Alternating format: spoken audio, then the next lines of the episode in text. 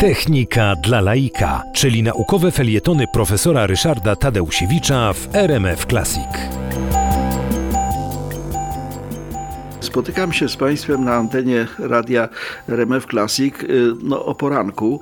Wobec tego zapewne nie jeden z Państwa ma przed sobą panującą filiżankę herbaty, a herbatę zaparzamy y, teraz bardzo często z torebek.